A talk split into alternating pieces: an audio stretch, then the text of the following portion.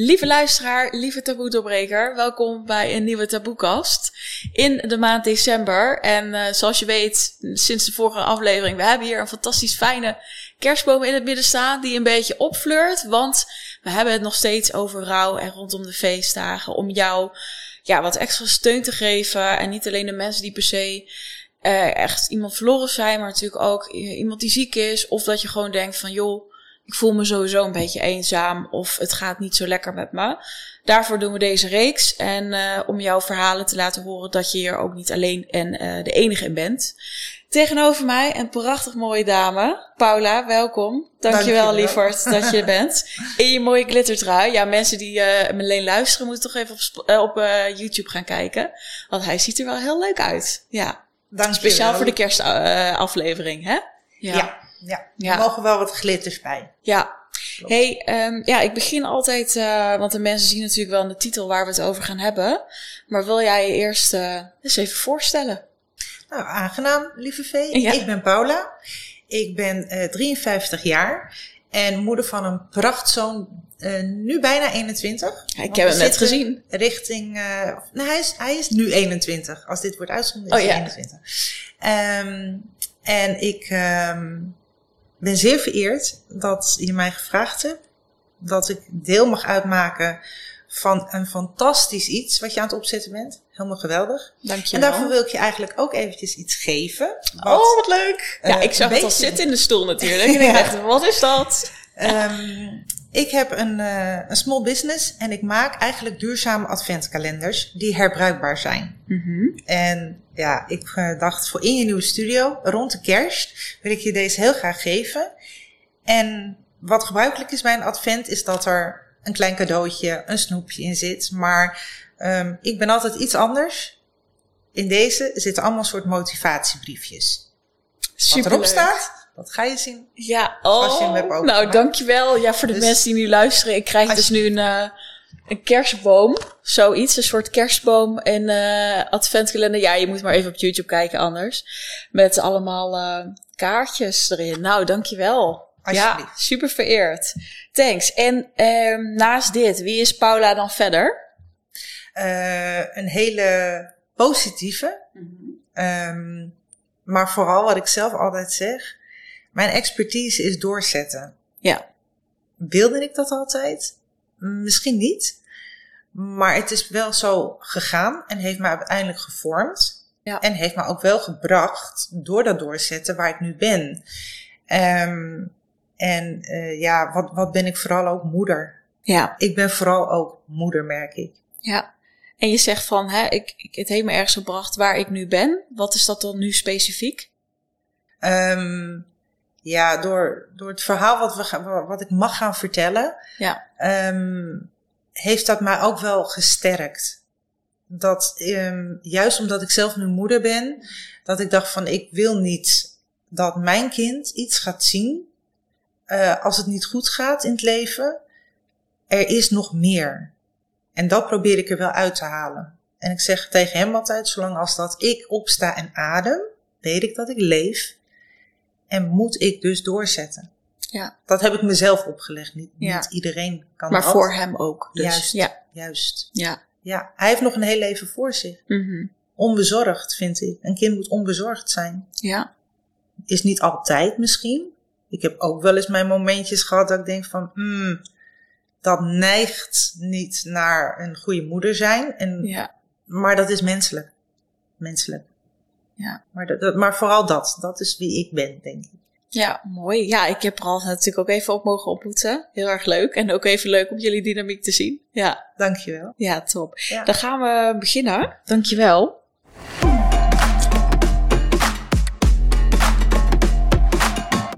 En die doen we altijd dan eventjes. Nou, je bent hier natuurlijk en je zegt al, ik ben een doorzetter. Er zit ook een, iemand tegenover me die er is. Weet je, je straalt. Uh, dat is natuurlijk niet altijd zo geweest, denk ik, aan de hand van ja, misschien ook wat je gaat vertellen.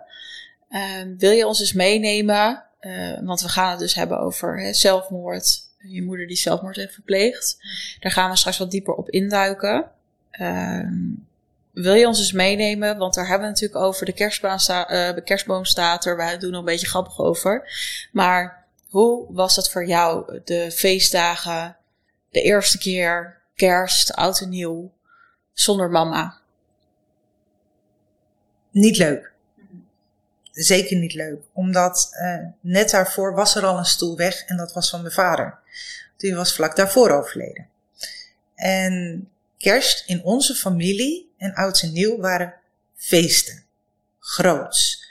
Uh, oliebollen in overvloed. Vuurwerk, siervuurwerk. Geen uh, nee, siervuurwerk. Um, we gingen altijd naar Scheveningen, het koelhuis. Vierden we kerst. Fantastisch. Dus dat was een hele mooie jeugdherinnering. En de eerste keer zonder mijn moeder, zal heel eerlijk zijn, hoefde kerst voor mij niet meer. Mm En ik was echt een kerstmens. Alles moest versierd worden.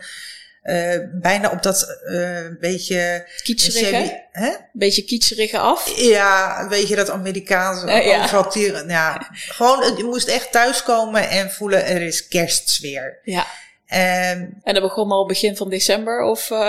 Ja. Ja, precies. Ja, ja. meteen. Nou, heerlijk. Het, het, ik wilde het liefst de hele, het hele decembermaand moest die staan. En toen wilde ik niet meer. Ik wilde geen kerst meer vieren. Het hoefde van mij niet meer. Het was, um, het was niet meer het, dat wat het ooit was. Maar dan zag ik een klein manneke rondlopen.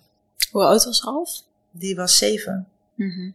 En dan is het net zo, basisschool, wordt dat gevierd. En thuis niks. Mhm. En ik zal heel eerlijk zijn, het was 23 december en ik had nog geen kerstboom. En ik kijk naar mijn kind en die zegt, komt er geen kerstboom? Mhm. En ik brak.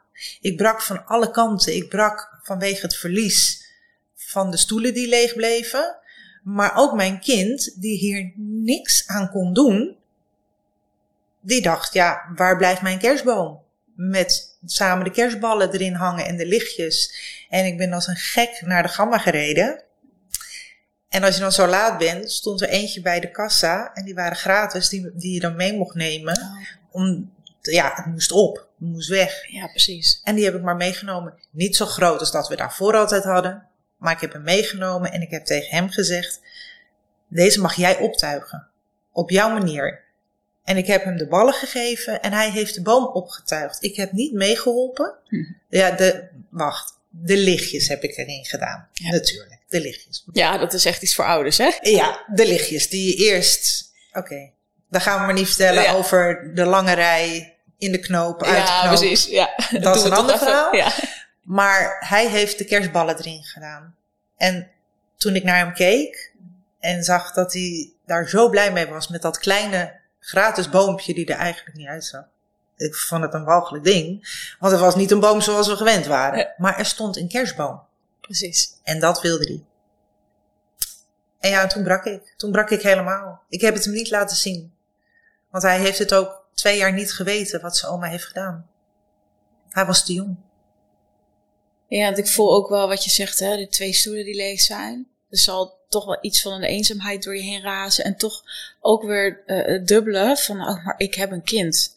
En ik weet niet of ik het goed zeg, maar dat het je ook nog steeds even raakte van, hè, naar dat moment van, oh, wacht even, die kleine die zegt nu letterlijk van, komt er geen boom? Dat lijkt me soms best wel, ja, moeilijk zijn geweest. Niet alleen met kerst natuurlijk. Ja. En wat je zegt, hij zag het niet, ik hield me best wel groot. Ja. Ik denk wat je net zei, hè, van een, een kind moet onbezorgde jeugd hebben. Maar het is wel wat allemaal op jouw schouders komt dan. Ja, het was uh, ook omdat um, ik doe het alleen. En op dat moment had ik wel een partner. Maar dat was uh, de stiefvader van mijn kind bijna. En uh, dat was niet zo hecht nog als dat het moest zijn. Dus ja, ik, uh, ik deed de opvoeding sowieso al alleen. Hm. En dan moet je je verplaatsen in um, ik ben moeder, dus ik heb nog zorg. Maar ik zeg altijd, um, ik was ook nog dochter van.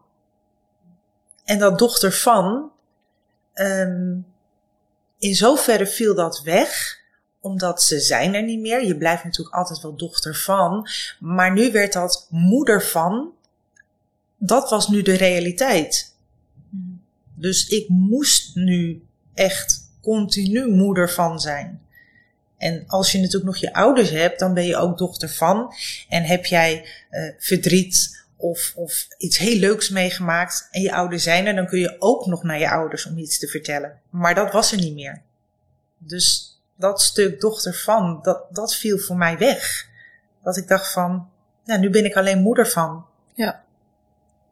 En ja, goed, ja, je hebt hem net even mogen zien, maar je moet zo'n jongetje zien van zeven, die nog helemaal niet weet wat er daadwerkelijk gebeurd is, omdat ik vond dat hij te jong daarvoor was. En hem onder een um, ander verhaaltje verteld heb hoe zijn oma dan is overleden, gewoon in de slaap met een hartaanval. Um, achteraf gezien is hij daar blij om geweest. Want hij is er zelf op een gegeven moment meegekomen dat hij mij gevraagd heeft: Maar wat is er nu echt met oma gebeurd? Alsof hij wel dat het heeft gevoeld ja. van er klopt iets niet. Maar ik me, en dan zal ik heel eerlijk zijn, tot de dag van vandaag heb afgevraagd: wat heeft zij hem verteld? Hmm. Het moment voordat ik wegging en in het weekend waarin het gebeurd is. Maar daar zal ik nooit achter komen. Ja. Ja, of een kind voelt natuurlijk ook wel dingen aan. Ja. Ik bedoel, kinderen zijn, uh, als we het hebben over intuïtie, is het daar natuurlijk nog helemaal, denk ik, meer dan bij de, bij de medige volwassenen. Ja. Ja. Ja, ik, ik, ik blijf het raar vinden. Twee jaar na dato heeft hij gewoon op een dag, terwijl hij een spelletje aan het spelen was, letterlijk aan mij gevraagd: Mag ik jou vragen of Alma zelfmoord heeft gepleegd? Ja. En ik was flabbergasted. Ik echt zo, waar komt deze vraag vandaan? Hij heeft dit nooit kunnen weten. Nergens is dat vermeld. Hoe, hoezo vraag jij mij dit nu? Wat heeft zij jou dan verteld? Ja. Nee, nee, ze heeft mij niks verteld. Maar lieve vee, tussen jou en mij, mijn moeder kon jou op een bepaalde manier iets vertellen dat jij dacht, dit neem ik mee ook in mijn graf. Als ik dit ooit zo vertel, dan ja. kom je nog een keertje, één keertje naar beneden om te vertellen. Nee, dat gaan we niet vertellen. Mijn moeder was heel. Uh, ze was niet groot, mm -hmm. maar ze was wel groots in haar uitspraken. Ja, precies. Dat moest ook wel. Nou ja, je, je hebt het nu al een beetje over van uh, hè, je moeder, over hoe ze was. Hè, we hebben het natuurlijk al nu even over het moment gehad. Natuurlijk, dat is gebeurd. Daar komen we denk ik zo nog even op terug. Maar uh, ja, hoe was je moeder? Want hè, je, wat je net ook al zei van... Er zijn verschillen in zelfmoord. Uh, wij weten niet als luisteraar van, ja, is het inderdaad het verhaal wat je net vertelde dat ze al het tegen keer had gedaan? Of is het iemand die, hè, die ziek was en, en uiteindelijk het heeft gedaan? Dus kun je ons dus meenemen in uh, het verhaal van waar is het überhaupt ooit gestart? Ja. Um, dat is inderdaad heel goed wat je zei. Er zijn zoveel verschillende soorten zelfmoord ook. Mm -hmm. Je hebt de hele stille, waar je het echt, echt niet aan kan aflezen. Die altijd vrolijk zijn en in één keer de volgende dag er niet meer zijn. En je afvraagt, wat heb ik gemist? Ja, wat de hek heb ik gemist? Ja. Je hebt mensen die het eerst jaren heel hard roepen. Ik wil niet meer, ik wil niet meer, ik wil niet meer. En dan pas na een tig aantal jaar echt zelf, alsof ze er zelf naartoe aan het werken zijn. Mijn moeder um, kwam uit uh, Indonesië en was op hele jonge leeftijd op een boot gestuurd naar Nederland. Een hele erge rotjeugd gehad. Verschrikkelijke jeugd gehad. Zeker niet leuk. Maar ze ontmoet mijn vader en mijn vader, toen was zij 18, heeft haar echt, echt behandeld. Nou, ik denk dat iedere vrouw zo behandeld de wordt. De queen, de prinses echt fantastisch. Ik heb zo'n goede vader gehad. Um, waar ik ook heel blij om ben. Dat ik die twee uitersten eigenlijk gehad heb. Mm -hmm. um, maar ik denk dat bij mijn moeder er altijd al iets gezeten heeft van waarom ben ik hier? Waarom ben ik geboren met zoveel ellende? Terwijl voor ons wat is ellende? Het kan even tegenzitten. Ja. Um, ja, zij heeft geen goede uh, jeugd gehad. En toen ik 12 was, dat vergeet ik nooit meer, kwam ik op een dag thuis. En ik zag dat haar auto voor de deur stond. En mijn ouders, moet ik ook even goed uitleggen, hadden allebei een zaak, een eigen zaak. En het tijdstip dat ik thuis kwam uit school was niet het tijdstip dat zij thuis zou zijn, want dan zou ze op de zaak zijn. Tenzij je ziek bent. Ja. En ik kom binnen en ik zie mijn moeder nergens in huis. Ik loop naar mijn kamer en ik zie hun slaapkamerdeur half open. En ik zie mijn ooghoek dat er iemand is. En ik loop binnen en ik zie mijn moeder op bed liggen, niet reagerend. En ik roep haar naam een paar keer en ze reageert niet. En ik kijk naast het bed en ik zie daar wel wat, maar je bent 12. Sorry, alle medische termen van allerlei pilletjes, ja, paracetamol, dat ken je misschien. Ja, maar Ibootje. Ja, je gaat niet kijken naar een potje en oh, dat is dat of dat.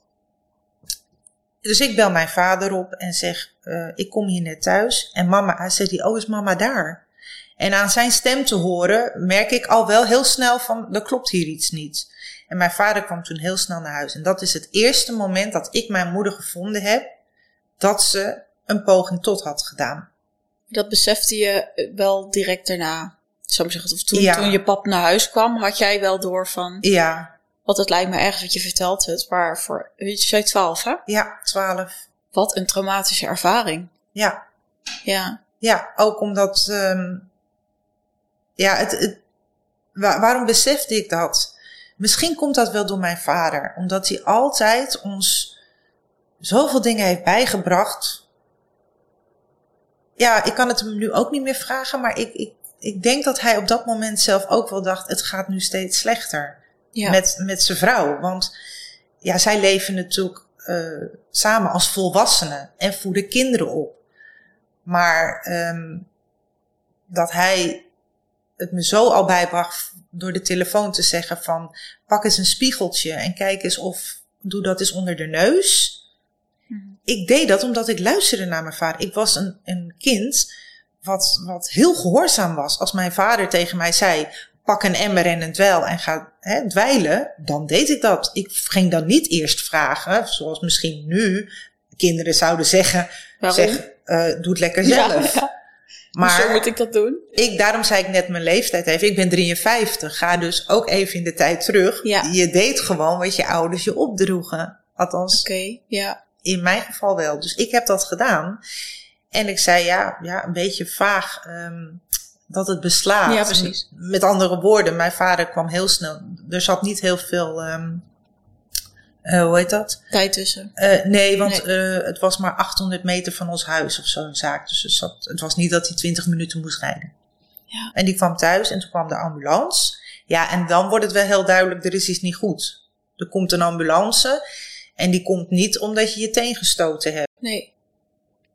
Ik heb eigenlijk twee vragen hierover. Eén, want je zei dat net, het waren twee uitersten. Kan ik dan horen van papa was altijd de, de, de steady one en, en mama altijd al een beetje, of, of hoe bedoel je die? Ja, dat Ja. is ja, precies zoals je het zegt. Mijn vader, rustig, consequent, duidelijk. Ja. Die drie Stabiel. termen, Ja. dat omschrijft mijn vader het best. Mhm. Mijn moeder, dominant, wispelturig, inconsequent. Ja. Yin en yang. Yang, ja, Ja, precies. heel erg. Ja. Heel, heel erg. Je zegt, je zegt ook wel eens er is een grijs vlak, maar dit was echt zwart-wit. Ja. Ja, want ik hoor natuurlijk wel ergens in, in paps zijn het dan, hoe ik het voel, meer positieve eigenschappen dan bij mama. Maar hoe voel je dat dan zelf? Is het ook goed dat het zo is geweest? Dat, dat mijn vader juist zo positief was. Nee, ja, dat er een yin en een yang is. Want het klinkt heel erg of, nou, papa was dus heel fijn om mee te zijn. Mama vond ik het moeilijk mee. Mm, als je het me nu zo vraagt, ehm, heeft het me wel geholpen in bijvoorbeeld het alleenstaand moederschap. Mm. Omdat ik juist die, die, die weegschaal in balans kon houden, omdat ik allebei de kanten wist en dan met mijn eigen karaktertje kon zien hoe kan ik hem in balans houden. Ja. Het moment van, toen ik 12, 13 jaar was, heb ik echt letterlijk tegen mijn vader gezegd: Wil je alsjeblieft van die vrouw weggaan? Ja, dat bedoelde ik. Dat voelde ik dus Ja. een beetje. Ja. ja. Ja. Ja, want als kind vind je dat niet prettig. Nee. Je, je wil gewoon dat er. Ja, er mag wel oneenigheid tussen ouders zijn. Mhm. Maar bij mij was het wat ik zeg. Echt. Een soort van zo. Ja. Het stond helemaal scheef. Ja, het stond volledig scheef. Ja. Nee, waar, waar een, een, een vader zegt. Als je wat later thuis komt, dat hij eerst aan je vraagt: geef mij eerst eens de uitleg. Want Ja. misschien is er een duidelijke uitleg waarom jij tien minuten later thuis bent. De andere kant, als mijn moeder, als je tien minuten laat thuis kwam, kreeg je met de mattenklopper die tien slagen, want je was te laat thuis. En dan pas werd gevraagd: waarom ben je later thuis? Ja. Maar misschien eh, reed de bus niet meer. Misschien was de buschauffeur eh, onwel geworden. Moesten wij wachten. Er kan altijd een andere reden zijn dan alleen maar te denken: ik kom later thuis en ik luister niet naar mijn ouders. Ja. Maar luister eerst ook eens wat een reden kan zijn dan. Mhm. En dat was mijn vader. Ja. Geef me eerst de reden en dan beslis ik wel. Van nee, deze reden, dat is, Ja. eh, dat is een flutreden. Sorry, je mag eh, twee weken niet, eh, niet weg op zaterdag thuis blijven. Ja. Nee, mijn moeder was meteen harde hand. Ja, het heeft natuurlijk al, ja, ik voel hem zeker. Zo. Ik, Nee, ja, ik durf niet te laat thuis te komen hoor. Alsjeblieft. Ja. Nee, nee, Nee. nee. Nee, ja, ja. We doen soms even een beetje lach tussendoor. Hè? Mag ook. Maar ehm, Ja, dat is- was, dat was zeg maar, de eerste vraag. En de tweede vraag, ik denk dat veel mensen dat denken van... Oké, dat heb je meegemaakt. Ik ben me even aan het inbeelden. Ik heb, ben- zonder dat ik nu helemaal veel over mezelf ga vertellen hoor, maar dat komt zo bij jou. Maar ik heb dat zelf meegemaakt. Mijn papa is natuurlijk overleden. En mijn moeder heeft ook een keer die uitspraak gedaan. En voor mij, in mijn hele systeem, heeft dat voor verzorgd van... Oh, ik ga, er, ik ga inderdaad een keer vinden of het gaat niet goed. Dus ik ben heel erg benieuwd bij jou ook van hoe was dat? Want je hebt dat één keer meegemaakt. Ben je daarna niet bang? Wanneer ga ik het weer vinden? Wanneer kom ik, weet je, wanneer gebeurt er weer zoiets? Ja, nou, het, het, op dat moment van, van zeg maar toen ik 12 was, ehm, waarin ik haar, ik weet niet wat er tot mijn twaalfde met haar gebeurd is. Ik weet, op mijn twaalfde is dit begonnen in mijn systeem. Ja. Dat ik een moeder heb die anders is dan die van mijn vriendinnetje, die altijd heel vrolijk was, bij wijze van spreken. Ehm, ja, ik, ik, heb, ik, eh, ik ben toen wel gaan beseffen, ik moet opletten hier. Ik moet op haar letten, maar dat zal met mijn karakter te maken hebben. Waar, wat ik, ik ben best wel een verzorgend type. Ik wil altijd dat iedereen het naar zijn zin heeft. Eh, dat je je veilig voelt, dat je je happy voelt, dat je het gezellig hebt. Dat is mijn, mijn ikje. En ja, toen dat gebeurde met mijn moeder, dacht ik wel van, oh, blijft het hierbij? Maar daar bleef het niet bij. Nee. Nee. Ja, het is, hè, misschien denken mensen, oh, dat vind ik wel heftig. Maar ik ben benieuwd van, hé, hey, wat, wat heb je meer meegemaakt in, in je jeugd? Want hè, je, je, je, bent, je gaat naar school. Hoe, hoe is dat überhaupt? Van, hè? Het, het, de dingen moeten doen die je gewoon doet. En daarnaast ook nog al de zorgen thuis. Ja, dat, dat, wat je nu net heel mooi zegt, alle zorgen thuis. Um, wat ik net in het begin zei, ik ben nu moeder van. Die zorgen mogen bij mij thuis dus niet zijn bij mijn kind. Ja. Maar ja, ik kreeg precies wat je nu mooi zei, ik kreeg zorgen. Mm. Maar ik moest toch eigenlijk alleen zorgen hebben van huiswerk? Ja, Huiswerk? zoals iedere puber. Inderdaad. Uh, zorgen dat je op tijd thuis komt. Ja. Niet verkeerde vrienden krijgen. Je kamer opruimen. Uh, ja, we kunnen zo nog een hele ja. lijst doen. De waslijst van de puber. Nee, ja. mijn lijst werd bijna van in de gaten houden of een badkamerdeur niet op slot zat. Um, op welke tijden ze thuis is en een badkamerdeur zit op slot. Uh, ja, tot er dus vinden een keer in bad. Bijna blauw aanlopend. Um, polsen doorgesneden. Uh, je moeder in een auto vinden met alleen een pyjama aan. te veel. Ik denk dat het voor de luisteraar, als ik de hele waslijst opnoem, dan moet je echt nu even rustig gaan zitten. Want het is heel veel. Ja, ik zit hier ook al met tranen. Ik zie het me zo. Het is zoveel ja. dat je afvraagt: waarom? Had ze nu een man gehad die haar alle hoeken van de kamer had laten zien, haar mishandeld zou hebben, uh, slecht behandeld zou hebben, dan wil ik nog niet zeggen dat dat een reden moet zijn. Hè, dat wil ik de luisteraars ook zeggen. Dat is zeker geen reden om nu te zeggen: ik stop ermee. Mm. Maar we weten wel allemaal dat het een triggertje kan zijn. Dat je denkt: ja, ik ben dus niet goed genoeg. Mm. Als je ervoor bestraft wordt. Maar een man hebben die je op handen draagt, de rust, nog nooit één klap heeft uitgedeeld, zelfs niet aan zijn kinderen, dan denk je wel waarom? Mhm. Waarom moet jij dit doen? Toen we er, uh, toen ik haar vond met haar polsen doorgesneden onder een bureau zittend. Ja, want dat vond ik inderdaad de heftige waar je meteen ook, uh, ik denk ook in beelden. Ik zet dat de mensen die luisteren en denken in beelden, dan zie je meteen iets voor je. Ja. Ja. Um, haar eerste reactie. Waarom kom jij nu naar de zaak? Nou, zij zat op de zaak. Zij ze had dat gedaan. Ze was de enige verder. Zij was de enige. Ze was vroeg naar de zaak gegaan. Ja. Ze, zat, uh, ze was onder het bureau gaan zitten. En had haar polsen doorgesneden. En ze kon dit gesprek nog voeren of wat? Omdat ik op dat moment, dat ja, ze net, ze, ze heeft dus haar pols doorgesneden. Op dat moment stap ik de zaak binnen. Waarom?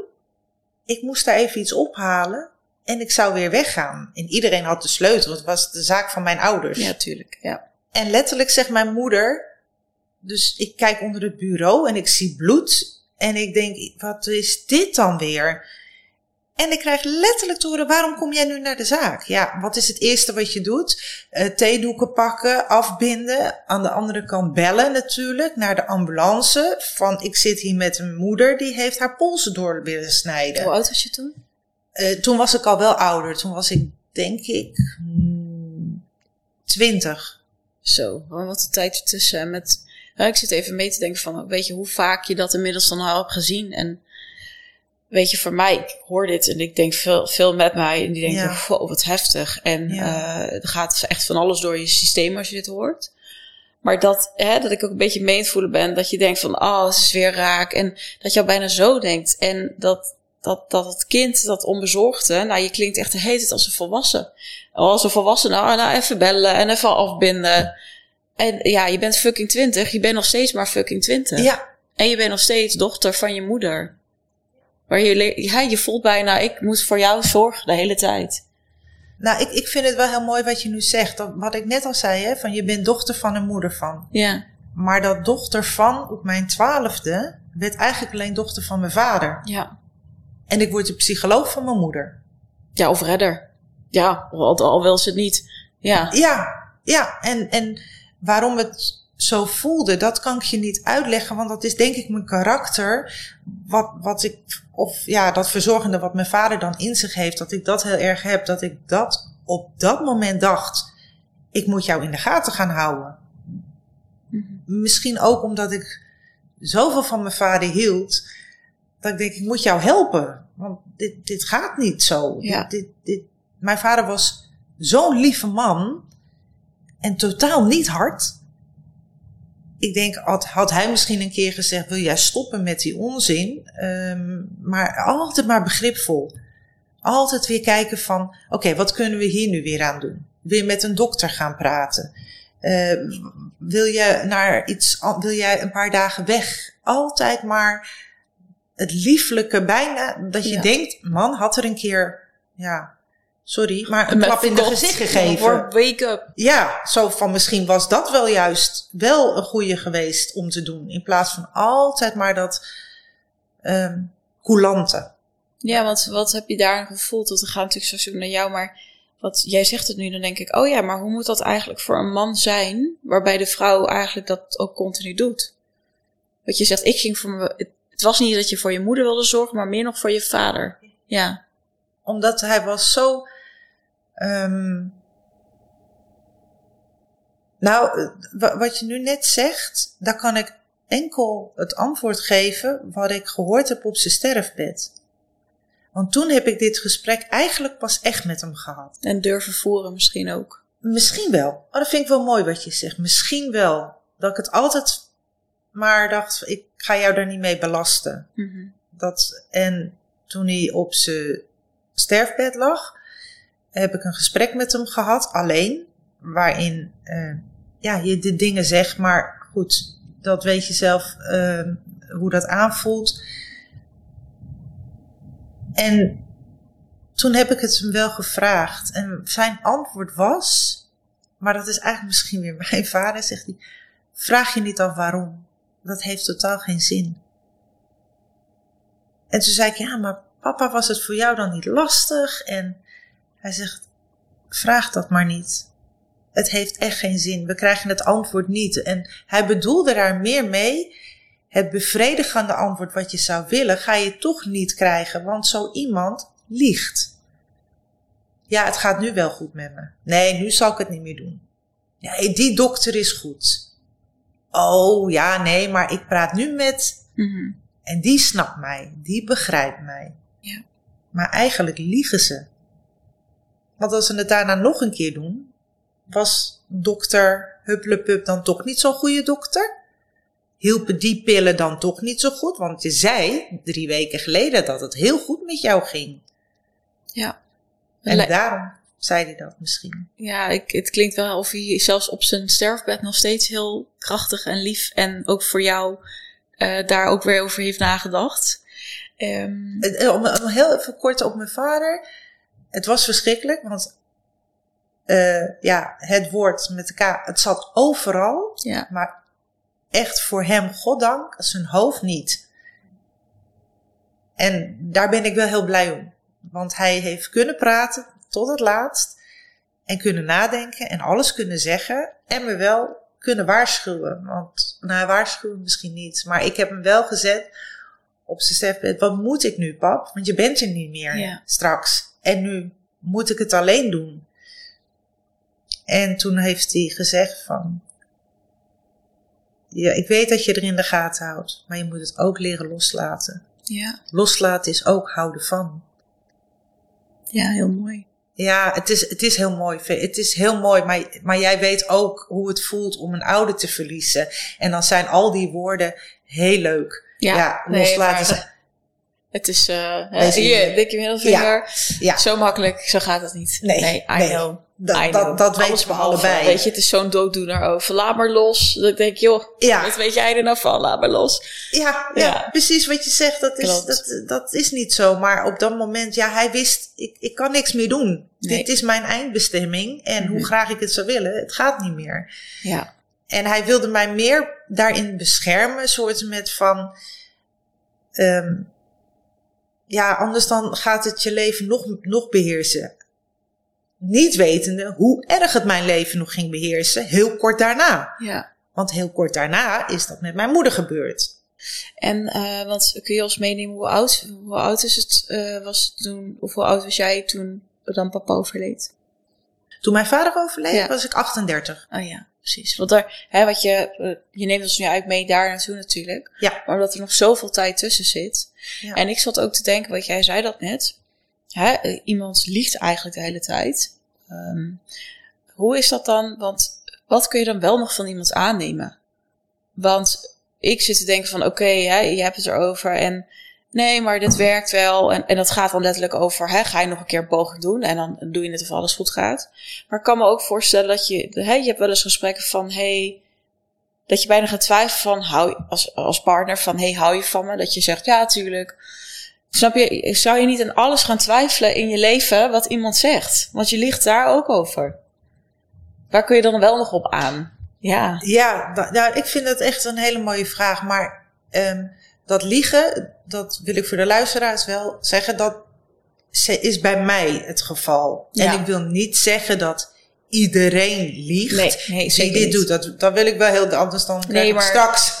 Nee, allemaal- maar laten we ook zeggen, weet je, alles wat jij zegt is jouw verhaal. Ja, en natuurlijk ja. mogen mensen daar een eigen verhaal over hebben. Maar jij komt hier ook. En ik snap wat je zegt, dat mensen niet denken van, nou, bij mij is het heel anders. Dat Ja. kan. Maar dit is jouw verhaal. Ja, dat, dat, want anders dan krijg je straks misschien mensen. Ja. Maar ja, bij mij is het wel goed gekomen hoor. Die hebben het echt nooit meer gedaan. Ehm, nee, in, in mijn verhaal, in dat van mijn moeder, de verhaal, dat is het liegverhaal. Zij loog om alles. Ja. Zeggen dat het goed ging, ehm, waardoor je inderdaad steeds meer gaat twijfelen. En ja, dat stukje neem je dan ook mee naar relaties, naar vriendschappen. Waarin ik, zeker toen ik jonger was, ook dacht: ja, jij zegt nu wel dat je me aardig vindt. Maar misschien vind ik jou volgende week ook wel onder een brug. Want je bent te jong om, om goed te gaan relativeren van, ja, is dit nu enkel mijn moeder die zo doet? Of doet de maatschappij zo? Ja. Dat moet je leren, want ja, Ja, dat je bijna gaat twijfelen van, nou, iedereen heeft een maskertje op. En eh, ik, ik weet het zelf ook niet. ja, Ging je daardoor zelf ook twijfelen? Of zei je dan zelf ook wel eens dingen die dan niet waar waren? Of had je juist zoiets, nee, ik ben gewoon echt altijd eerlijk. ja ik, de reden waarom ik eerlijk ben, Ja, ja, krijgen we weer het verhaal van mijn vader. Maar mijn vader heeft mij zoveel normen en waarden meegebracht. Dat ik dacht, ik kan maar beter wel eerlijk zijn. Want, maar misschien ook wel, omdat ik dat wilde, ten aanzien van mijn moeder. Ik denk, als ik daar nu ook nog eens tegen lieg, wat ga ik dan meemaken? Ga ik het voor mezelf erger maken? Als ik nu tegen mijn moeder iets zou zeggen wat niet waar is, in een vrouw die onstabiel is, ehm, haar handen goed weet te gebruiken. Ik wil niet zeggen dat ik als kind alle hoeken van de kamer heb gezien. Ehm, maar één keer vergeten het eten op te zetten. Was zeven gaten van een, eh, van een schoen in mijn deur. En die moest ik echt op slot doen. En daar wou ze doorheen ja, zeven keer op de deur lopen bonken, omdat ze door die deur heen wilde. ja. Want ik was te laat om het eten op te zetten. Ja, ik, ehm, ik ga natuurlijk ook nog een keer een podcast over, over opnemen over agressie. Ik herken dit soort dingen, maar daarom juist ook belangrijk dat je mee aan de slag gaat, denk ik. Ik denk het wel. In, in, de, in de razernij en zo. ja, Ja, maar ik snap dus als kind, wat ik hoor je dat zeggen van, het was ergens ook je beschermingsmechanisme dan. Van Ja. oké, ik ben maar gewoon eerlijk, ik zeg het maar. Want als ze daar dan nog achter komt, dan krijg ik eh, niet zeven keer eh, dat tegen de deur, maar dan komt ze er echt doorheen en eh lig ik in een hoekje knock-out of zo. Ja, ja, mijn moeder was echt. Eh, maar dat komt van, eh, eh, van haar jeugd. ja, In haar jeugd, kijk, mijn moeder is natuurlijk al geen Nederlandse. nee, Nou zit er van het Indonesië zit er ook nog Armeens bloed in. Nou, ik, de Armenen zijn ook hele felle personen. Ook lieve personen, maar die hebben een karakter. ja, Dat dan lekker nog eens een beetje lopen mixen. Met een rotjeugd. ja, En daar was het product mijn moeder. Ja, Mijn moeder, die dacht dat ze het allemaal aankon. Dat ze zo sterk was. Dat ze een hele lieve man had. Maar het helemaal niet aankon. Maar zich te groot voelde om echt hulp te zoeken. Uit zichzelf. ja, Want iedere keer als ze met een dokter heeft gepraat, was dat wel vanuit mijn vader of een huisarts, bijna dwingend. Van jij moet eens gaan praten met iemand.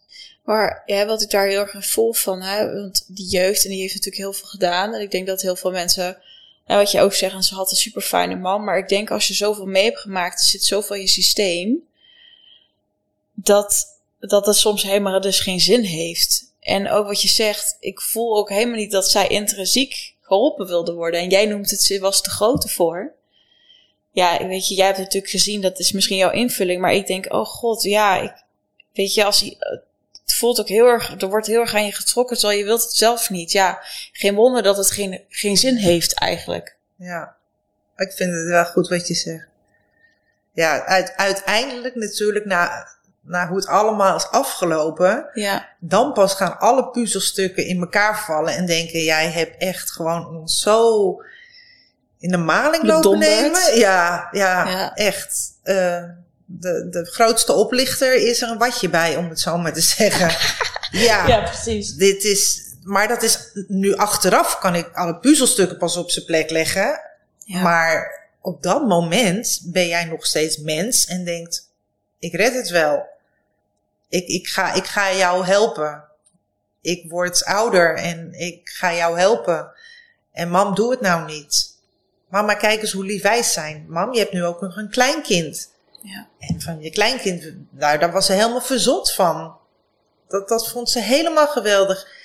En ik was ook heel blij dat ze dat mocht meemaken. Dat, nee hoor, uiteindelijk hmm. was dat zelfs niet goed genoeg. Ja, ik wil zeggen, want hè, je, je zei al, uh, uh, 38 overleed papa dan. Nou, er zat een tijd tussen. Wat we net al zeiden, we hoeven niet alles in details denk ik uh, nog uh, uit te spitten, want dat is vrij ja. intens. Maar hoe was dat inderdaad toen jij dan zwanger werd? Is, is dat wel iets geweest in het begin dat dat een soort... Hè, want ik, ik denk van, wat lift je nog op als je altijd zo tegen het leven vecht? Van, voor mijn moeder, mijn zwangerschap? Ja, precies. En dat je een kindje gaat krijgen, is dat iets wat haar dus wel nog iets deed, maar uiteindelijk dan niet genoeg? Of wat heb je daarin ervaren? Maar ik denk dat je het verhaal wel kan raden. Op het moment dat ik tegen mijn moeder zei dat ik zwanger was.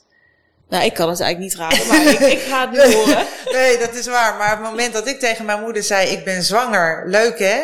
Uh, toen zei ze: Ik wil erbij zijn. Waarop ik zei: Nou, mam, vind je het goed? Ik hoef je er niet bij te hebben, echt tijdens mijn bevalling waren haar volgende woorden: dan is daar het gat van de deur en zoek het maar uit. Oh god, nou deze had ik niet kunnen raden, denk ik hoor. Nee. Waarop ik haar aankeek zeg, nou, maar ik bedoel niet bij. Wil je alsjeblieft weggaan? Nou, ik hou het nu rustig voor de luisteraar. Ja, het was niet, wil je alsjeblieft weggaan? Eh, ik ben letterlijk de deur uitgezet. Mm En um, ik heb mijn vader aangekeken. En mijn vader stond er eigenlijk bij. En misschien dat luisteraars nu denken van jeetje, wat was wat een, uh, een slappe hap dan jouw papa. Nee, mijn vader wilde altijd de rust. Die, die wilde gewoon het liefst geen herrie in de tent. Nou, dat is, had hij lekker gekozen dan.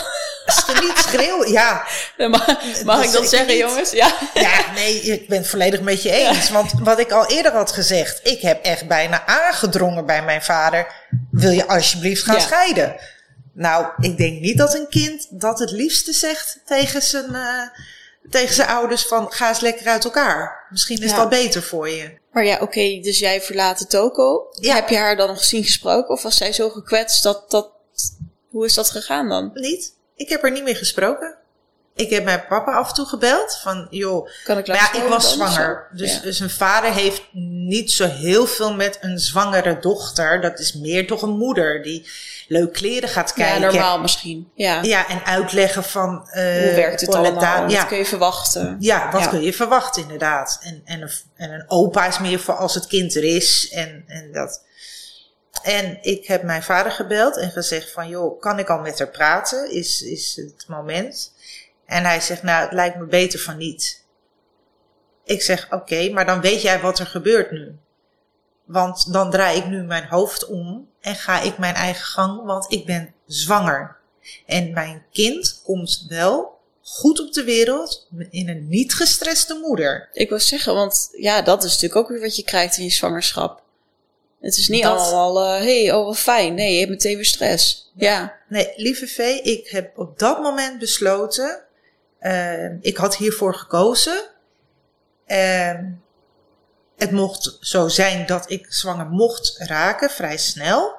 En toen dacht ik, oh, nu word ik moeder van en mijn kind komt niet uit een gestreste moeder. Ik weet namelijk hoe een gestreste moeder eruit ziet. Ja. Dat wil ik niet. Ja. En als dat nu betekent dat ik nu, wat ik net eigenlijk zei, dat loslaatverhaal, uh, voor mijn eigen gezondheid, moest ik ook loslaten en mijn zwangerschap gewoon normaal doorstaan. Nou moet ik wel heel eerlijk bekennen dat ik heb een hele goede lieve vriendin, die ken ik al 30 jaar. En die heeft mij echt, echt bijgestaan in mijn zwangerschap. Zonder haar wil ik niet zeggen dat dat kind niet goed op de wereld, maar uh, ik was heel blij en ben nog steeds heel blij met haar.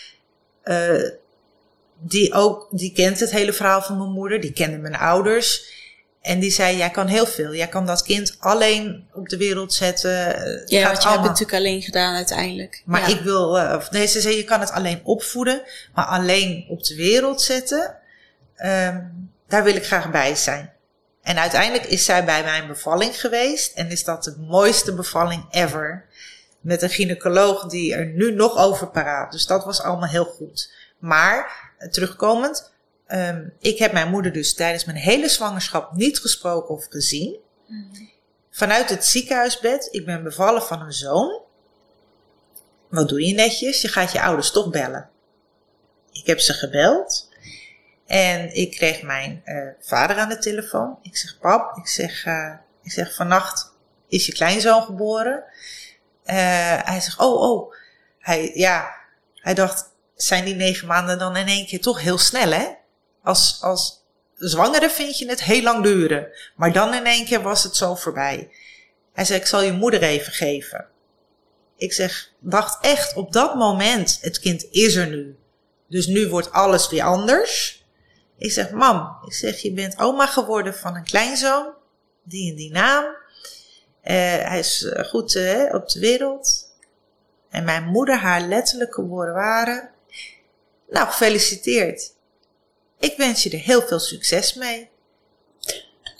Toet, toet, toet, toet, toet. En toen oh god, dat ook nog. En je ligt in een ziekenhuisbed. Ja, ik moet een beetje om lachen, maar ik word ongemakkelijk. Dan moet ik altijd lachen. Nou, ik zal heel eerlijk zijn, lieve Vee. Het moment in dat ziekenhuisbed deed ik wat jij deed. Ik, ik moest enorm lachen en dacht niks anders. Ah ja, maar dat is mijn moeder. Maar hoe erg is dat? Ja. Hoe erg is het dat jij al eigenlijk lacherig kan doen, omdat je eigenlijk al wist: oh ja, maar dit is mijn moeder. Ja dat is toch belachelijk? Ja. Ik zou het verschrikkelijk vinden als Ralf, mijn zoon, ooit, ooit in een podcast van way over 50 jaar zit en dit moet gaan vertellen. Dit was mijn moeder. Ja. En vanaf dat moment kijk ik naar links en ik zie mijn zoon liggen en toen dacht ik, ja, jij wordt mijn doel. Jij wordt en ik ga worden alles wat zij niet is. Ja. Erg. Dat vind ik erg. Ja, ergens. Ik vind dat ook altijd wel heftig als iemand dat zegt. Want je verzet je wel tegen datgene waar jij deel van bent. Uh, ja, je moeder letterlijk. Je bent er letterlijk uitgekomen. Ja.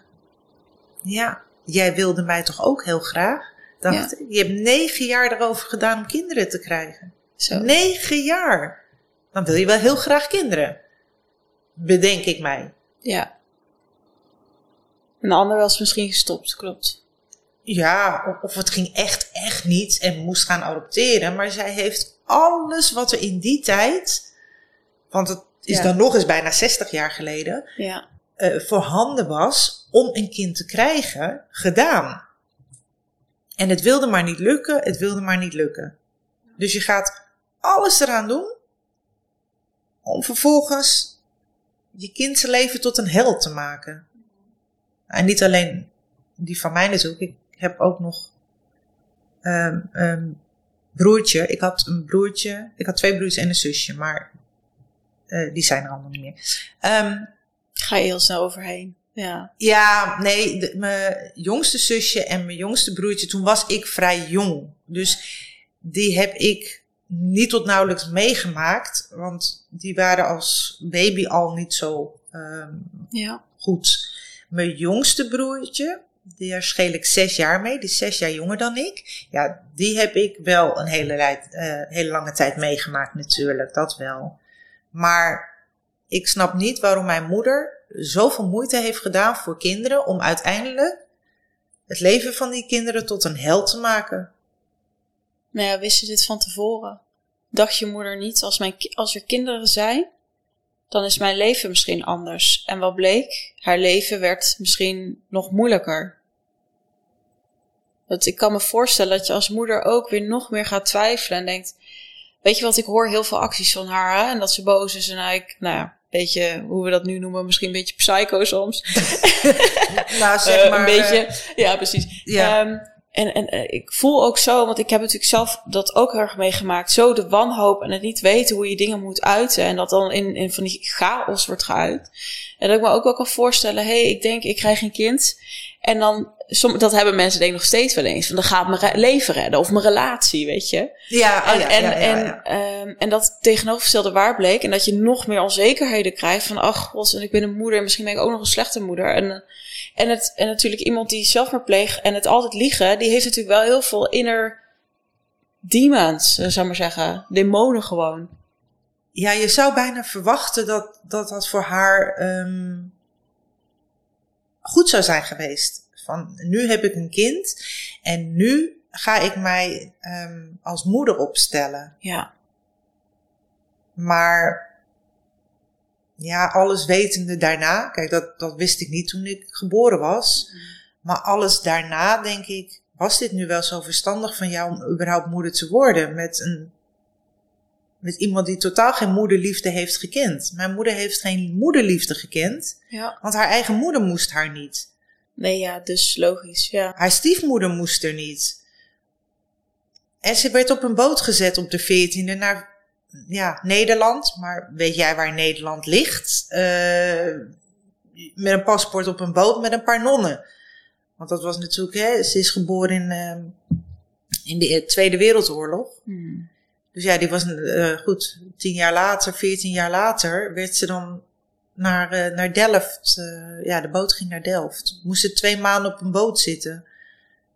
Ja, nu vindt een kind van 14 dat misschien helemaal fantastisch als hij twee maanden op een cruiseboot naar weet ik nou, veel waar. weet ik ook niet hoor. Een kind blijft het liefst bij ouders, toch?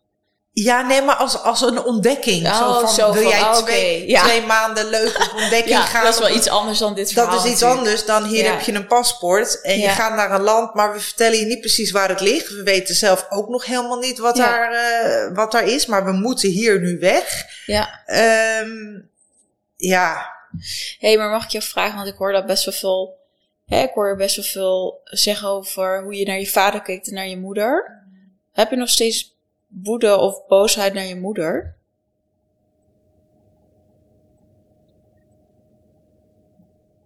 woede is wat gezakt.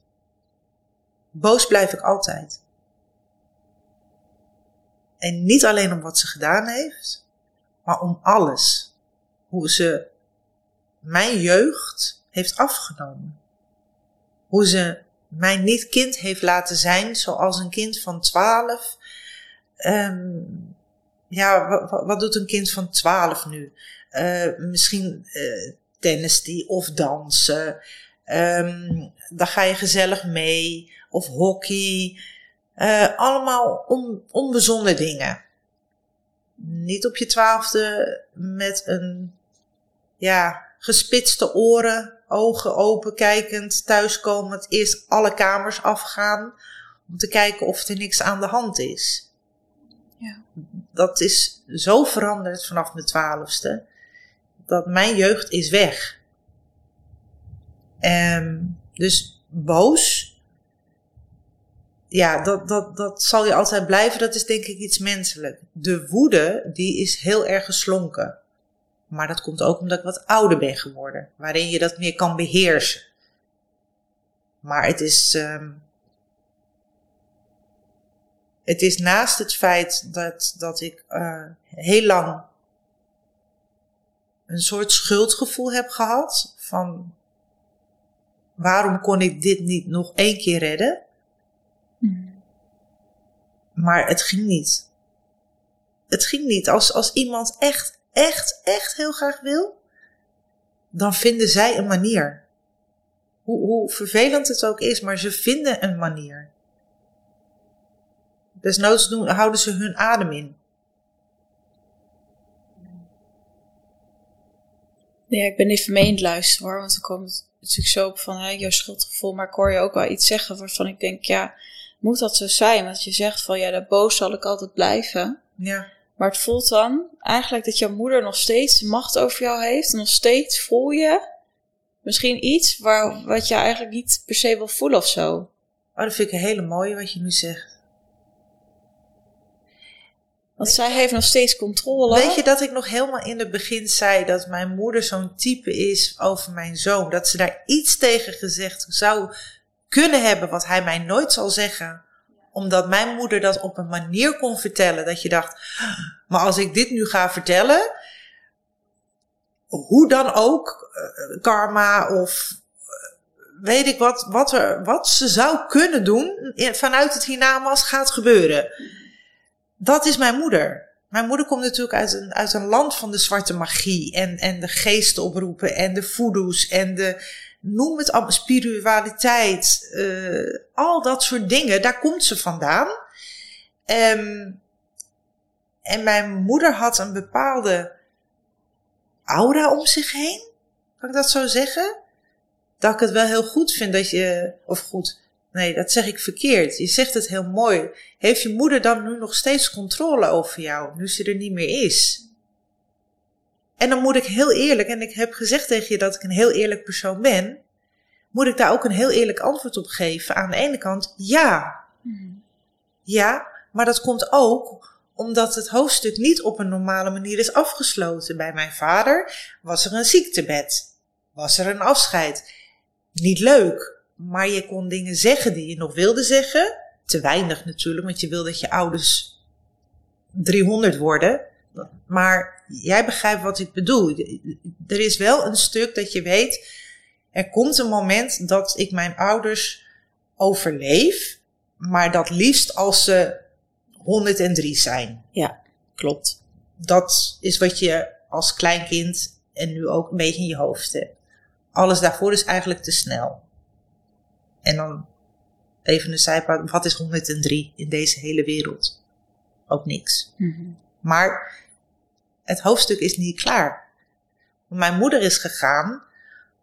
Um, en, en dat is misschien wel waarom um, ik er wel nog mee, mee bezig ben um, in mijn hoofd. Want hoe lang is het nu geleden dan? 12, 13 jaar? 2009.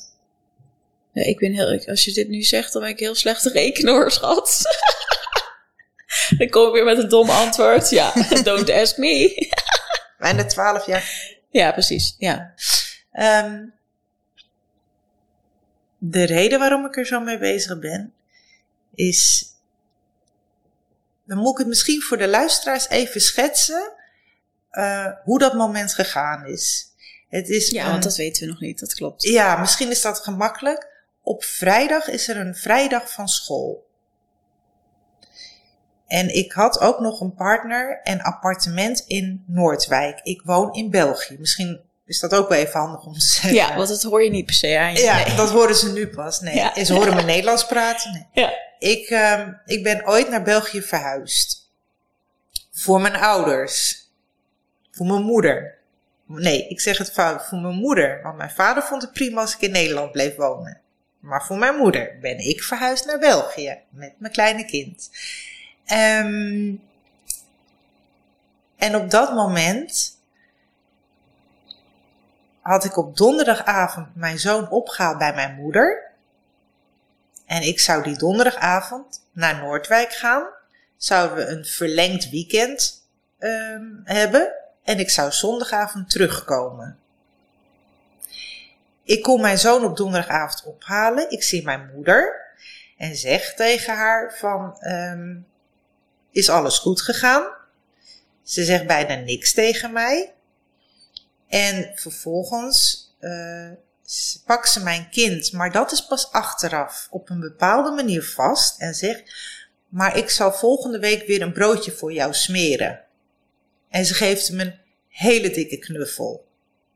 Ze gaf hem altijd wel een knuffel, maar achteraf, als je de hele geschiedenis gaat afspelen, die film, toen bedacht ik mij wel van, dit was een heel raar afscheid wat jij hier van hem nam.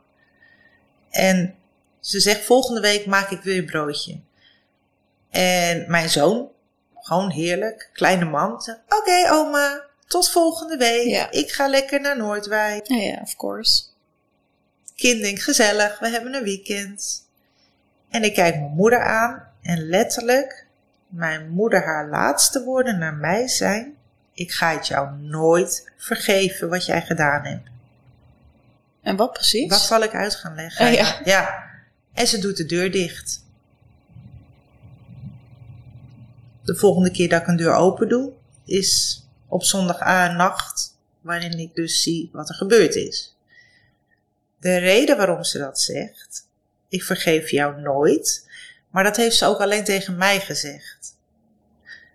Moet ik ook wel tegen de luisteraar zeggen, ik heb op dat moment nog een jonger broertje. En mijn broertje en ik waren op dat moment samen, mijn moeder, aan het proberen, echt te proberen om hele, hele goede professionele begeleiding te krijgen. Tot, tot echt opnames aan toe om er helemaal van boven tot beneden door te spitten. De laatste poging om te kijken of het zou lukken om, ja, dat zij nog, dat ze nog wel 103 kon worden. Ja. En ja, um, we hebben haar in een um, tien dagen voordat het gebeurd is, hebben wij haar in Caritas, dat is een psychiatrische inrichting in België, in Gent. Um, onder politiebegeleiding hebben wij haar daar um, geplaatst, om het zo maar te zeggen. En na tien dagen kwam daar een rechter kijken of zij langer moest blijven of dat zij naar huis mocht. En de rechter daar heeft beslist, met de lieve ogen van mijn moeder en een hele mooi gedicht aan ons gericht. Ik mag naar huis. Ik ga het nooit meer doen, meneer de rechter. Precies. Weet je nog, lieve Vee, wat ik zei over mijn moeder, de leugenaar? Ja. Want zo ga ik het nu zeggen, want anders, wat we net al zeiden, niet iedereen liegt, hè, lieve luisteraars. Niet iedereen die dit doet, liegt. Mijn moeder wel. En mijn broer en ik hebben allebei op dat moment op de tafel geslagen tegen de rechter. Alsjeblieft niet. Wij kennen haar. Wij vragen hulp. Help ons, want wij weten wat er gaat gebeuren. Niet doen, meneer de rechter, niet doen. En mijn broertje, die heel lang altijd zich afzijdig heeft gehouden, dat is zijn karakter, um, ook te jong, die deed mee. Die zei ook, nu geloof ik jou. Want die geloofde altijd zijn moeder. En die geloofde mij niet. En op dat moment deed hij mee. Van mam, tegen, tegen onze moeder. We geloven je niet meer. Jij speelt hier toneel. Nee, echt niet. Mag ik alstublieft de mooiste gedicht voordragen? En toen heeft ze een gedicht opgedragen aan ons. Ja, het is heel grof om te zeggen misschien, maar het is er bij mij niet ingekomen. Ik heb er niet naar geluisterd. Ik vind dat heel erg om nu te zeggen. het is ook wel weer eerlijk, wat je net al zei. Ja. Maar omdat je, ik denk omdat je voelde van ja, ik krijg nu een gedicht, maar ik weet eigenlijk wat je plan is. Ja. Precies. Oké, en toen? Want is dit de reden waarom ze zegt ik ga je nooit vergeven? Dat je dit voor haar wilde doen? Of wat is dat dan? Ja, ja de reden dat wij haar in haar ogen hebben weggestopt. Dat waren haar woorden. Want ik vind niet dat je iemand wegstopt. Maar haar woorden waren dat je mij wilde wegstoppen in een psychiatrie. Maar we wilden je helpen. Maar dat kwam er bij haar niet in. Dus haar laatste woorden waren letterlijk: Ik vergeef jou nooit dat je dat gedaan hebt. Maar dat heb ik niet alleen gedaan, dat had ik samen met mijn broertje gedaan. Maar mijn broertje was fantastisch. Mijn broertje was de held. Mijn broertje was haar alles. Mijn broertje, mijn broertje kreeg alles op een dienblad. Maar dan ook echt alles op een dienblad. Het klinkt ook wel of uh, je moeder um, hè, vanuit haar verleden ook misschien wel helemaal niet inderdaad met een dochter omkomt. En met een zoon dus wel. Ja. Maar ik vind het heftige laatste woorden. En ik vind het ook, ook wat ik net zei, ik voel zo bij jou nog zoveel zitten. En dan denk ik, oh, ik vind dat zo heftig dat iemand dus daarna, nu, nog steeds wel invloed op je heeft. En ook hoe je je misschien soms voelt. Of ja, dat er gewoon onderliggende dingen nog zijn waarvan je denkt, ah, rotwijf of zo. Ik weet niet of je nog een soort boosheid hebt. Ja, ja. Weet je, dat is grappig wat je zegt. Ik, ik, ehm, ik zit dan in mijn werkkamer en zij was ook wel heel creatief. Ja. Ik ben ook heel creatief. En dat zijn de momenten, dan ben ik met iets bezig. En dan praat ik ook, of dan zeg ik ook tegen haar. Ik zeg, kijk, nu had je het hartstikke leuk gevonden. Want dat was weer haar andere kant. Ze had dan wel weer gezegd, kan ik je ergens mee helpen? Mijn moeder was niet alleen bipolair, schizofreen, psychotisch. Ze was alles wat je in een psychologisch woordenboek maar kan vinden. Ze had van alles wat. Nou, dat, dat helemaal gemengd. Dat je, je wist nooit, ben je nu, hè? Oh, nu ben je weer leuk. Oh, we kunnen nu samen een boswandeling doen. Ja. Oh, nou, hartstikke gezellig. Twee uur later kreeg je gewoon een bord spaghetti naar je hoofd. Want het zinde haar niet dat jij twee minuten te laat van het toilet kwam, bijvoorbeeld. Want het eten stond al op tafel. En in plaats van dat iemand gewoon denkt, nou dan eet je je spaghetti maar koud. Nee hoor, zij pakte het bord spaghetti op en flikkerde het echt regelrecht naar je hoofd. Nou, dan denk je echt van, hè? Maar we hebben hiervoor nog gezellig in de H&M geshopt. Waar zit je met je hoofd? Ja, ik doe er nu heel lacherig over, maar op een gegeven moment ga je dat wel doen. Dat je echt, naarmate ik ouder werd, dacht ik echt van ja, ja, sorry hoor, maar ik weet nu echt niet welke kant we opgaan. Ja. Uh, ik, ik take it or leave it. Wil jij dat bord spaghetti naar mijn hoofd gooien? Ja, nou, ik ga gewoon weg. Dan moet je het zelf opruimen. Je hebt het zelf gegooid. Ja, het is ook je beschermingslaag misschien. Dat je denkt, ja, ik weet het niet. Ik, ik geef me eraan maar in over, aan, aan, aan over. Ja. Uh, maar hè, je hebt haar uiteindelijk dan zondagavond gevonden. Um, en ik voelde zoveel woede, maar daarin dus ook heb je haar het ook al vergeven. Ja. Dat wel. Ja. Omdat ik het mezelf vergeven heb. Mm -hmm. Ik heb mezelf vergeven dat ik haar niet voor een laatste keer kon redden. En dat heeft wel even geduurd. Daar ja, ben ik wel heel zo eerlijk paradoxaal eigenlijk. Aan de ene kant hoor ik van, oh, en um, wat heb je mij toch aangedaan? En de andere kant dus ook nu, en wat ook logisch is, hè, uh, het schuldgevoel van, ja, ik heb je toch niet kunnen redden. En dus dat toch ook elke keer wel weer willen. Dus dan zit er toch ergens iets van liefde. Ja. Hoe, hoe, hè, hoe paradoxaal misschien ook. Of dat je denkt, ja, maar misschien is het ook wel hè, beter voor mij of mijn rust of weet ik het wat. Maar toch het altijd wel wil je je moeder willen redden. Ja.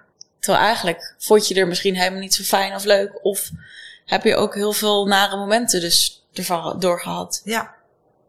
Maar dat komt dan toch weer door mijn vader. Mm -hmm. Wat hij heeft meegegeven, want het is wel je moeder. Die heeft altijd wel gezegd, oh, maar het is wel je moeder hè. Ja. Met andere woorden, zij heeft jou het leven gegeven en daar moet jij dankbaar voor zijn. Bij wijze van, even zo dingen. Maar uh, wat jij net vroeg, kijk, het, um, de boosheid zit hem meer, daarom had ik het uitgelegd. Ze is met ruzie weggegaan. En waar ik heel lang mee gestruggeld heb, is dat ene woord. Sorry. Wat van beide kanten nooit meer gezegd kan worden. Niet sorry van mij naar haar dan dat ik jou heb willen helpen. Wat, dan, wat je echt niet wou. Maar ook van haar nooit een sorry wat ik jou heb aangedaan. Ik ga dat nooit horen. En dat heeft mij meer dwars gezeten. Dat is nu, dat stuk is nu wel heel erg weg. Omdat je weet, dat gaat nooit komen. Maar, um, maar had het iets met je gedaan? Want die sorry had Ja. misschien kunnen komen, maar je wist toch niet of je moeder het meende. dat ben ik met je eens. Maar dan ben ik misschien even heel, dan ben ik even heel dom. Uh, dat geeft jezelf even een goed gevoel. Je hebt het wel gehoord. even placebo-effect misschien. Juist. Desnoods. Gewoon. Ja, Uh, dat je denkt van, misschien ben je dit helemaal niet, maar het woord is wel uitgesproken. ja. En Denk je dat ze dat ooit heeft zo da- eh, gedaan hebben? nou, dat vind ik een goeie. Nee, ik denk het eigenlijk niet. Nee, want in haar beleving was zij fantastisch, bij wijze van spreken. Zij deed nooit iets fout. Ze was ook nog narcistisch, ja. check. Ja, ja, maar echt, eh, noem iets op. Noem iets op in het woordenboek. ja. En eh, zet er een vinkje achter. Het is. Ja, ik vind het zo moeilijk, want ik hoor jouw verhaal heel erg en ik hoor je echt. En aan de andere kant hoor ik ook en dan denk ik, ja, hoe zou ik in die schoenen staan? Weet je, je bent al zo bezig met je eigen levensstruggle. Ja, tuurlijk kan je niet voor iemand zorgen. En tuurlijk kijk je helemaal niet naar iemand om. Zou je al bijna denken. Ja. Ja, maar, Terwijl ik- natuurlijk, het is je kind. I get it. Maar ja, maar als ik nu kijk. Kijk, jij hebt, jij hebt net mijn, mijn zoon gezien. ja, Je hebt de energie tussen mij en hem gezien. gevoeld. En- ja, zeker. en- Ik hoop alleen maar dat ik het goed heb gedaan. nou, dat weet ik zeker van wel. En dat is meer iets waar ik nu mee zit en waar ik sneller om kan huilen. Ja. Dat ik wel eens aan hem vraag, of soms huil ik ook wel eens. En dan zegt hij, mam, wa- wa- waarom moet je huilen? Zeg ik, doe ik het wel goed? Voel jij je wel veilig bij mij? En dan zegt hij, maar ja, bij hem is het aan de ene kant juist echt zo van, Ja. waar heb jij het over? ja, ja. Eh, van waar, waar, ja, wat bedoel jij? Maar dat zit er dus zo in dat ik bij wijze van spreken, ik wil niet zeggen angstig voor mijn eigen kind ben, maar ik denk dat jij wel begrijpt en de luisteraars ook waarom dat ook nog steeds zo in mij zit. Ik wil het zo goed doen, bang voor een verkeerde uitslag, omdat dat met mijn moeder gebeurd is, terwijl ik dat ook zo goed wilde doen, maar zij uiteindelijk toch voor haarzelf heeft gekozen en wij niet belangrijk waren. Haar kleinkind niet eens belangrijk meer was. Ja, want het is Waar deed ik dan voor? wa- Wat deed ik er dan toe als jij als moeder zegt: Ik vertrek? Ja. Maar ja, dat is natuurlijk uiteindelijk jouw drive geworden. Maar zij heeft dat natuurlijk nooit zo gevoeld. Nee, Nee. nee. Ja. Zij dacht één ding. Zij is sterk genoeg, mijn dochter is sterk genoeg. Die heeft een kind, die redt het wel. Ja, en dat is ook gebleken. Maar ik, ja, ik denk ook ergens, volgens mij was het ook een van de vragen, dus ik kan hem meteen stellen. Oh, Ehm, van, is het inderdaad ook niet, eh, dat, dat vraagt die gekke vraag misschien taboe, was het ergens ook een opluchting? En dat is ook een beetje wat ik voel van, hè, zij, jij redt je wel, nou dat is wel gebleken natuurlijk, maar aan de andere kant is het ook niet nog zwaarder als je en elke keer een soort van op cortisolpiek hoog moet staan omdat je moet opletten en, en, en bezig bent met je moeder en ook nog een kind. ik vind dat een hele mooie vraag. En ik ben blij dat iemand die durft te stellen. Ja, Want ik denk dat daar het grootste taboe van dit, dit, dit hele gebeuren wel ligt.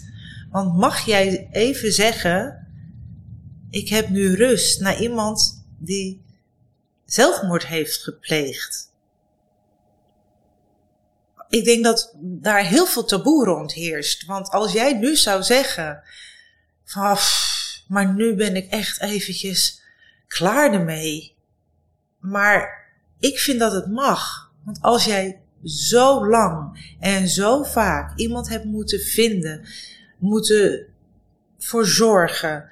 Eh, je leven wordt er bijna naar bepaald van, eh, oh, ik moet wel in de gaten houden, ik moet om zo laat thuis zijn. Eh, waar zit hij? Je, dan op dat moment van dat ik mijn moeder vond, durf ik ook weer te zeggen, ik kreeg even zo'n momentje van, oh, maar morgen hoef ik nu niet te zoeken waar ze is. Gemengd met het verdriet en, en het ongeloof en de woede en, en, en ja, al, alles bij elkaar. Want dat zijn nanosecondes dat je, je staat naar je moeder, je ziet haar daar hangen. En dat ging in een flits als een film zo allemaal aan me voorbij. En op dat moment was mijn broertje erbij. En die kreeg een halve hartverzakking. snap ik. Het is niet Dus je zit ook nog eens met, daar, is, daar hangt iemand, daarvan weet je al, daar is geen redden meer aan. Maar diegene die hier in mijn armen hangt, die kan ik nog wel redden. Dus je gaat op een automatisch piloot. Weer in de overleefmodus dus. Ja, op dat moment was de politie al, want het was eigenlijk door een fout van de politie, waardoor wij haar hadden gevonden. Dat hadden wij helemaal niet hoeven te vinden als zij hun werk hadden gedaan. Maar dat hadden ze niet goed gedaan, want ze hadden niet gekeken in het tuinhuis. Oh, ze zijn langs geweest, of wat? Ja, ze zijn langs geweest. Bellen ons op, midden in de nacht. Kunnen jullie dan even kijken? Ja, dat is weer een heel ander verhaal heel natuurlijk. Ander verhaal. Maar uh, ja, dus met, met, uh, met uh, het rouw en de verdriet en de woede ook toch een beetje de opluchting. Dan. Ja, enkel en alleen omdat je weet, ik hoef haar morgen niet te zoeken. Nee, ik weet waar ze is nu. En ja, dat, dat stukje, ja, mag je dat echt opluchting noemen? Ik denk dat een luisteraar wel begrijpt dat het, het geeft je even, even rust. Ja. Als jij continu op vol automatische piloot bent of een, of een topsporter die altijd maar gesport, geknald, geknald, geknald heeft en op een gegeven moment echt, echt door een blessure en, en moet weten van mijn, mijn, mijn droom, eh, die moet ik nu stoppen. Hoe graag ik hem door wil zetten, die moet ik nu stoppen. Ja, ik wil niet zeggen, is dat opluchting? Dat is geen opluchting. maar, even, oké, even rust. Nu, nu even, oké, wat, wat kan ik dan wel? Ja, check. En ik denk dat het geen raar antwoord is of zo. Of dat mensen denken van, oh ja, oh, oh zal soms een opluchting zijn, denk ik ook dat mensen begrijpen vanuit het verhaal. Het is niet dat je denkt van, oh fijn, en oh, ik ben er vanaf. Nee. Natuurlijk niet. Maar het is, ik denk altijd, weet je, voor mij ook, van mijn, uh, mijn papa's dood. Ja. Kijk, het is al, vaak denken we alleen maar uh, aan, aan de negativiteit of uh, en de rouw. Maar dus zelfs daarin zit iets moois of haal je er iets uit. Wat voor heel veel mensen gek klinkt. Helemaal als natuurlijk net iemand overleden is of verloren bent. Maar later ga je dat dan zien van, oh, wacht even, maar deze eigenschap had ik die wel gehad als, als het allemaal niet was gebeurd. Of was ik, stond ik dan nu wel zo in het leven? Ja. Dus um, even kijken, we hebben eigenlijk de rest van de vragen uh, zijn al wel langs gekomen. En ik zie ook al, want meestal doen we een uurtje, nou daar zitten we al dik overheen, dus uh, richting anderhalf uur aan het gaan. Ja. Ik zou je heel graag uh, natuurlijk alvast willen bedanken, ga ik denk ik zo nog tien keer doen. um, voor je openheid. Ik hoor ook heel veel kwetsbaarheid. Ik hoor, ik vind het ook heel eerlijk dat ik nog een soort boosheid ook hoor en dat je dat ook gewoon durft te delen omdat ik denk voor iemand die dit meemaakt, dat het niet altijd maar makkelijk is. En vaak zitten we natuurlijk heel erg, zijn we ook hè, ik, ook, ik denk ook, hè, hoe moet iemand zich gevoeld hebben en dat. Maar ook dat je durft uit te spreken van, hé hey, het was eigenlijk helemaal niet oké. En dat dat er ook al mag zijn. Dat vind ik ook taboe doorbrekend. Want hè, we horen natuurlijk vaak zitten we heel erg in de schuld. Maar wat als wij nou ook gewoon even soms boos mogen zijn of het niet oké mee mogen zijn? Wat is er iets wat jij nog graag eh, in deze laatste minuten dan ja, met de luisteraar, de kijker zou willen delen over dit thema? Of nou, in het algemeen? Ja, wat ik, wat ik heel graag um, aan de lieve luisteraars wil meegeven. Je kan, hoe goed je het ook probeert, iemand die echt, echt niet meer wil, um, die, die, die kan je niet redden. En zeker iemand die nu net in die situatie zit, dat schuldgevoel, dat is heel menselijk. Dat, dat heb ik ook gehad. Het moment van, wat ik net zei, dat stukje rust was ook het schuldgevoel van waarom moest ik dat weekend nu weg? Um, waarom kon ik niet weer thuis blijven?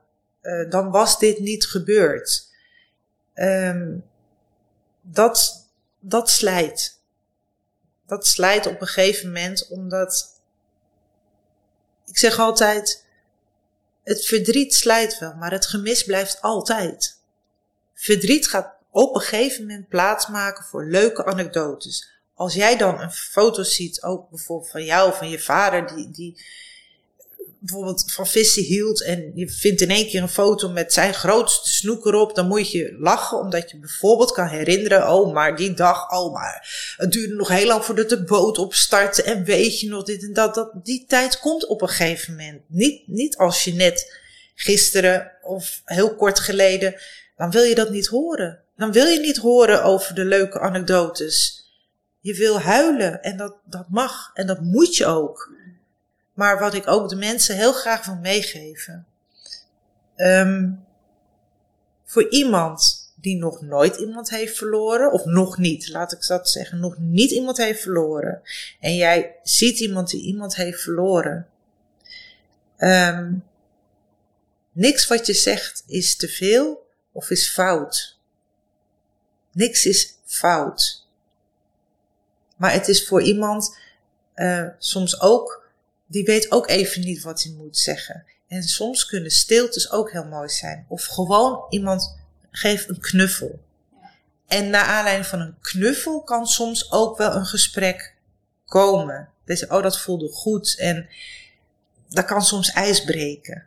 Ja. Maar durf ook zelf, omdat soms niet iemand weet wat hij moet zeggen, durf zelf ook naar iemand te stappen. Van ik weet het even niet meer. Ik, uh, of mag ik even met je praten?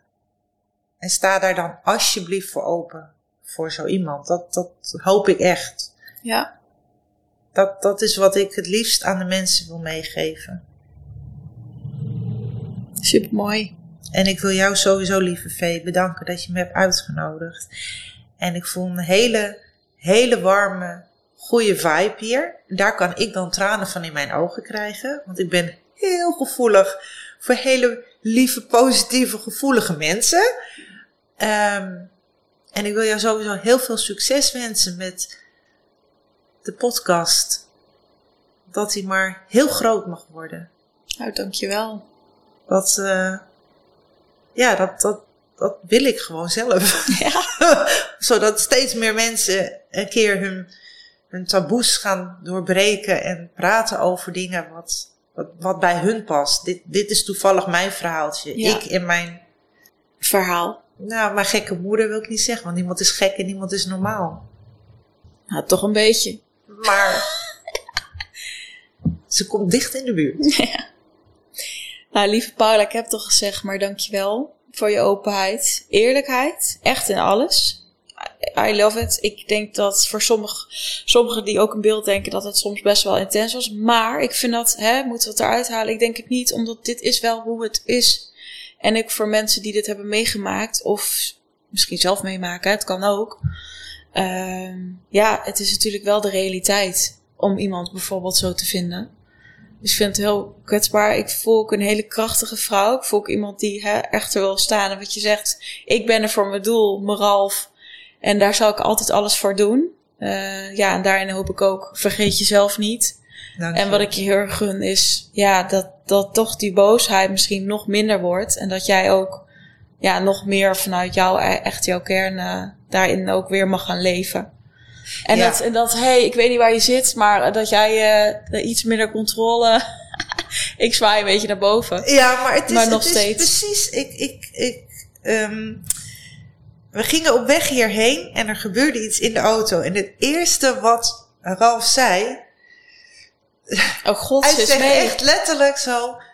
Jemig, oma, moet je nou ook weer mee? En het is, maar het wordt bij ons nu wel een beetje, moet ik ook wel eerlijk zijn tegen de luisteraars, want anders denken die misschien straks, nou, wat is dat voor type? Maar wij maken er soms nu ook wel grappen over. Tuurlijk, want ze, ze, was heel erg aanwezig. Ja. Waardoor wij af en toe ook wel eens denken van, ja, weet je, moet dat nou echt? Moet je nou echt ook, maar ze was,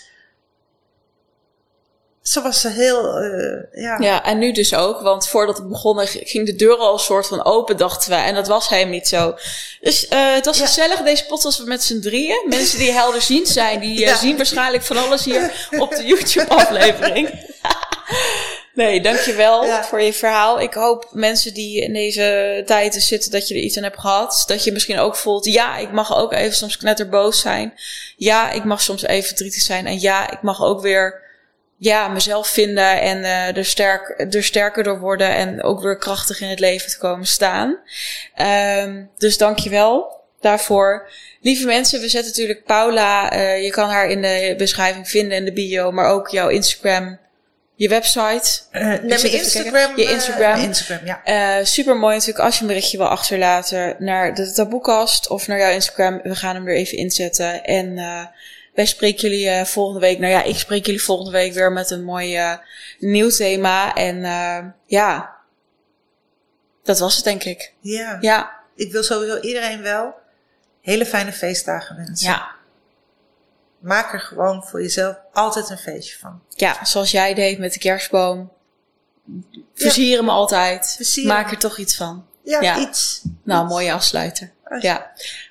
Ik ga een dikke kus geven, even zwaaien en uh, tot de volgende.